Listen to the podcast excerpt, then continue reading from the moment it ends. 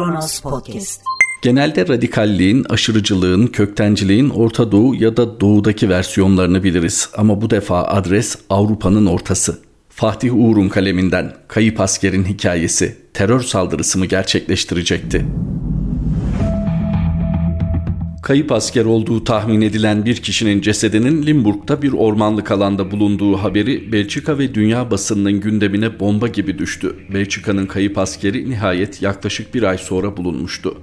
Adı Jürgen Konings. 17 Mayıs 2021 pazartesi gününden beri Belçika'nın bir numaralı gündemlerindendi ülkenin en büyük askeri birliklerinden biri olan Leopoldsburg'daki kışlasından 4 roket atar, bir makineli tüfek, ağır silahları ve sırt çantasıyla firar etmişti. Belçika hükümetine ve ülkenin iki yıldır gündemini belirleyen korona uzmanı virolog Mark van Ranst'a yönelik intihar saldırısı yapacağını belirttiği iki mektup bırakmıştı ardında firari asker bütün dünyadaki virologlar ve bilim insanları gibi konuşan ve konuşulan biriydi Ranst. Ekranlara en çok çıkan hükümetin eylem planlarını belirleyen ve etkileyen bir isimdi. Sevenleri kadar sevmeyenleri de vardı. Anlaşılan Jürgen de onlardan biriydi. Türkiye'de 17 Ağustos 1999 Marmara depreminden sonra ortaya çıkan deprem uzmanları, deprem dedeler gibi her ülkede gündem oluşturan virolog ve korona uzmanı isimleri ortaya çıktı malum. Rans da Belçika'daki korona uzmanlarının başında geliyordu. Firari asker Jürgen Konings onu hedef aldığını açıkça ilan etmişti mektubuyla. Daha önce yönelttiği tehditlerden dolayı orduda ceza almıştı. Jürgen Koenigs'in tehditlerinden sonra üst düzey güvenlik önlemleri sadece virolog Rans için alınmamıştı. Sağlık ve Savunma Bakanları, Başbakan ve Belçika Kralı'na karşı da farklı bir güvenlik prosedürüne geçildi askerin firarından sonra.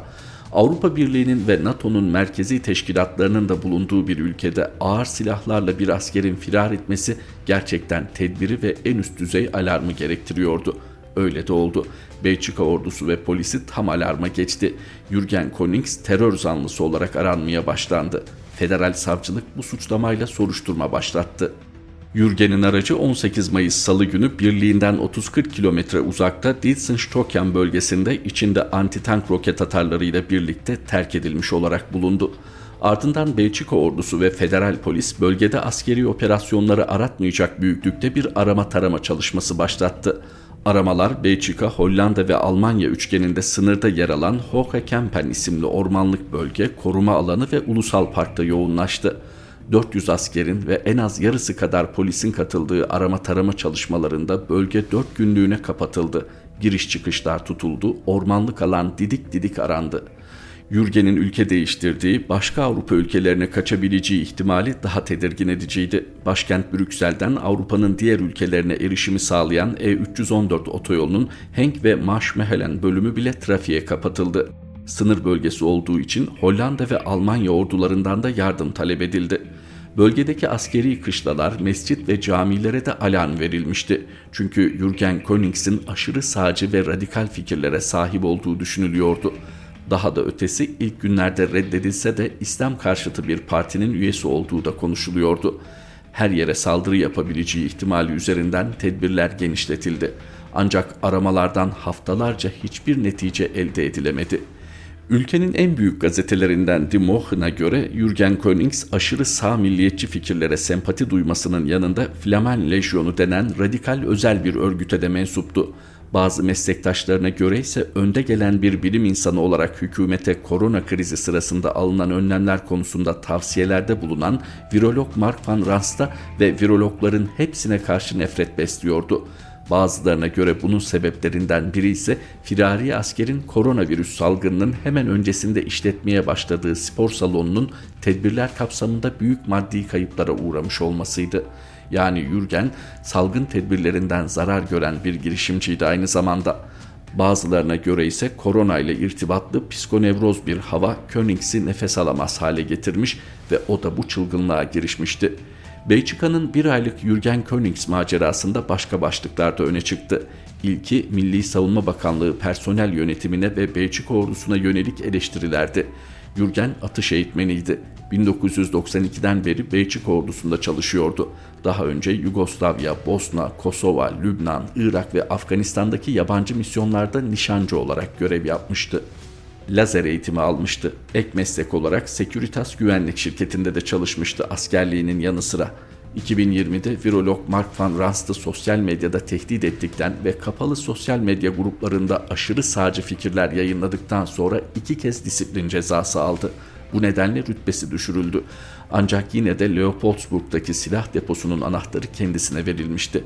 Nasıl olup da radikal fikirleri nedeniyle şiddet yanlısı ve takip edilenler listesinde olan bir askere ağır silahlara ulaşma izni verilebilmişti? Belçika medyası enine boyuna bunu tartıştı haftalarca. Bir başka tartışma konusu Yürgen fanatikleri sorunuydu. Bu biraz da özel hayatında gizliydi Firari askerin. Genç yaşta ailesini kaybetmişti Yürgen. Annesi o 2003 yılında yurt dışı görevindeyken intihar ederek hayatını sonlandırmıştı. Firari asker iki çocuk babasıydı. Ancak boş zamanlarında fitness eğitmeni olarak çalışıyordu. Dilson'da Your Goal is My Mission, senin amacın benim görevim ismini verdiği bir kulübü işletiyordu. Bir başka önemli ayrıntı ise ülkede son iki seçimde yükselen ve bazı belediyelerde iktidarı alan aşırı sağ Flamsch Belang isimli partiye üyeliğiydi. Partiye ödediği 12 avroluk aidattan radikal sağ görüşlü partinin politikalarına kadar birçok konu masaya yatırıldı. Flamsch Belang göçmenleri sınır dışı etme, başörtüsünü yasaklama, camileri kapatmayı isteyen vaatleri, kiliseler elden gidiyor sloganlarıyla radikal bir kitleden oy almış ve ne yazık ki oylarını büyütmüştü. Jürgen fanatikliğinin kaynaklarından biri bu aşırı sağ yapıların kapalı sosyal medya hesaplarında gizliydi. Königs'in üyeliği ilerleyen günlerde partinin resmi ağızlarınca teyit edildi. Asıl dikkat çekense ülkenin alarma geçip ordu ve polisin onu aramaya başlamasından sonra kurulan bir sosyal medya hesabıydı. Als ein Achter Jürgen, Jürgen'in bir gerisinde isimli Facebook grubu kısa sürede 43 bin üyeye ulaştı. Tartışmaların ardından Facebook terör zanlısı olarak aranan Königs'in fanatik ve meraklılarının buluştuğu bu platformu hızlı bir şekilde kapattı radikalliği bir ileri aşamaya taşıyıp Jürgen Konigs kısaltmasıyla I Love JC, Jesus Christ, İsa'yı seviyorum yazacak raddeye taşıyarak onu kurtarıcı olarak gördüğünü paylaşanlar oldu. Sosyal medyasından televizyon ve gazetelerine kadar ilk günden beri ülkenin bir numaralı gündemlerinden biri oldu Jürgen Königs dosyası. Geçtiğimiz günlerde Königs'in aracının bulunduğu yere yakın bir bölgede askeri bir sırt çantası bulundu. Aramalar tekrar bu bölgeye yoğunlaştı. Ancak sonuç çıkmadı. Königs'in aracı ve sırt çantasının bulunduğu bölgenin çok yakınında pazar sabahı bir dağ bisikleti turuna katılan Marseille Belediye Başkanı Johan Tolenire tur sırasında şüpheli bir koku fark etti ve polise haber verdi. Devlet televizyonu ve RT'ye konuşan belediye başkanı bu sabah çok az insanın geldiği bir yerde yaptığım dağ bisikleti turu sırasında güçlü bir ceset kokusu aldım. Hemen Jürgen Königs'i düşündüm ve polise haber verdim. Cesedi bulmuşlar. Cesede kendim gitmedim diye açıkladı olayı. Bir aylık arayıştan sonra 20 Haziran 2021'de Dilserbus'ta Jürgen Königs'in cansız bedeni ülkenin en çok aranan adamı Belçika'nın kayıp askeri bulunmuş oldu. Cesedin firari askere ait olduğu soruşturma savcısı ve polis tarafından pazar akşamı doğrulandı. Belçika ordusu ve polisin bu operasyon için bugüne kadar 650 bin avrodan fazla harcama yaptığı açıklandı. Kayıp askerin hikayesinde belki de en soğukkanlı ve insani tepkilerden birini virolog Mark van Ranst verdi. Königs'in ailesine başsağlığı dileyen Ranst, acil durumun geçtiğini hatırlatıp onlar için zor bir haber, bir babayı, bir eşi ve arkadaşı kaybettiler diyerek taziyesini paylaştı. Görünen o ki Jürgen Königs olayından sonra yükselen mikro milliyetçilik akımları, koronavirüsün toplumsal ve sosyopsikolojik etkileri, aşırı sağ partilerin Avrupa'daki üye ve sempatizanlarının silahlanması ya da ordu ve polis içinde yer edinmesi, aşırı milliyetçilik ve İslam karşıtlığı boyutuyla tartışılmaya devam edilecek. Sedat Peker şüphesiz videolarında çok önemli ifşaatta bulundu. Sosyal medyada çok önemli iddiaları dile getiriyor. Sezgin Baran Korkmaz belli ki Türkiye'nin başını ağrıtacak. Veys Ateş belki gazetecilik mesleği açısından ki ondan önce Özışık kardeşler pek çok soru işaretini akla getiriyor. Elbette son derece önemli ve yoğun bir iç gündemimiz var. Hatta hep denilir ya bizim bir günlük gündemimiz gelişmiş batı ülkelerinin belki bir aylık gündemi. Biz bu çok önemli gelişmeler için doğal olarak kendi içimize dönmüşken Avrupa'da son derece önemli gelişmeler oluyor. Fatih Uğur'un Kronos haber için kaleme aldığı yazıyla anladık ki sessiz sedasız geçiştirilmeyecek kadar önemli gelişmeler. Hoşçakalın. Kronos Podcast